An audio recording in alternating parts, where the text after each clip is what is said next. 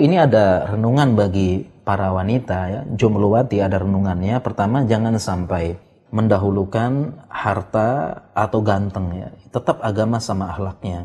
Apalagi tertipu dengan romantis. Kenapa? Karena memang fitnah terbesar bagi perempuan itu adalah harta dan kemilau dunia. Salah satu dalilnya adalah uh, hadis yang berbunyi aktsaru mayat ba'uhu al-yahudu wa nisa wal a'rab. Jadi yang paling banyak menjadi pengikut dajjal itu adalah Yahudi, perempuan dan orang Arab.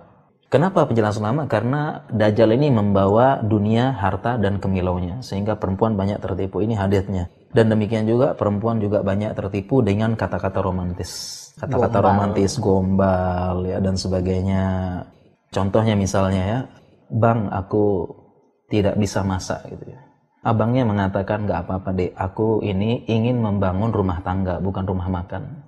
Dan ini sudah diingatkan oleh Rasulullah SAW yang memang perempuan gampang tergoda seperti ini. Dan ada hadisnya beliau bersabda, Inna minal bayani la sihrun. Sesungguhnya di sebagian al-bayan, itu bayan itu susunan kata-kata yang indah adalah sihir.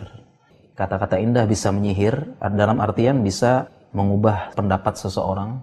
Sebelumnya A jadi B bisa mempengaruhi, bahkan bisa menjadikan dasar pikiran seseorang berubah. Prinsip hidupnya berubah dengan kata-kata yang indah. Apalagi perempuan yang memang lebih mendahulukan perasaan dan ini termasuk penjelasan hadis innal mar'ata khuliqna min ya sesungguhnya perempuan diciptakan dari tulang rusuk yang bengkok salah satu penjelasan ulama adalah mendahulukan perasaannya sehingga ketika memilih memilih jodoh perempuan ini benar-benar harus mendiskusikan dengan walinya kenapa perempuan gampang tergoda gampang tergoda, dia harus benar-benar mendiskusikan bahkan dalam hadis disebutkan la nikaha illa biwaliyin. Tidak boleh seseorang perempuan menikah kecuali ada walinya yang menikahkan.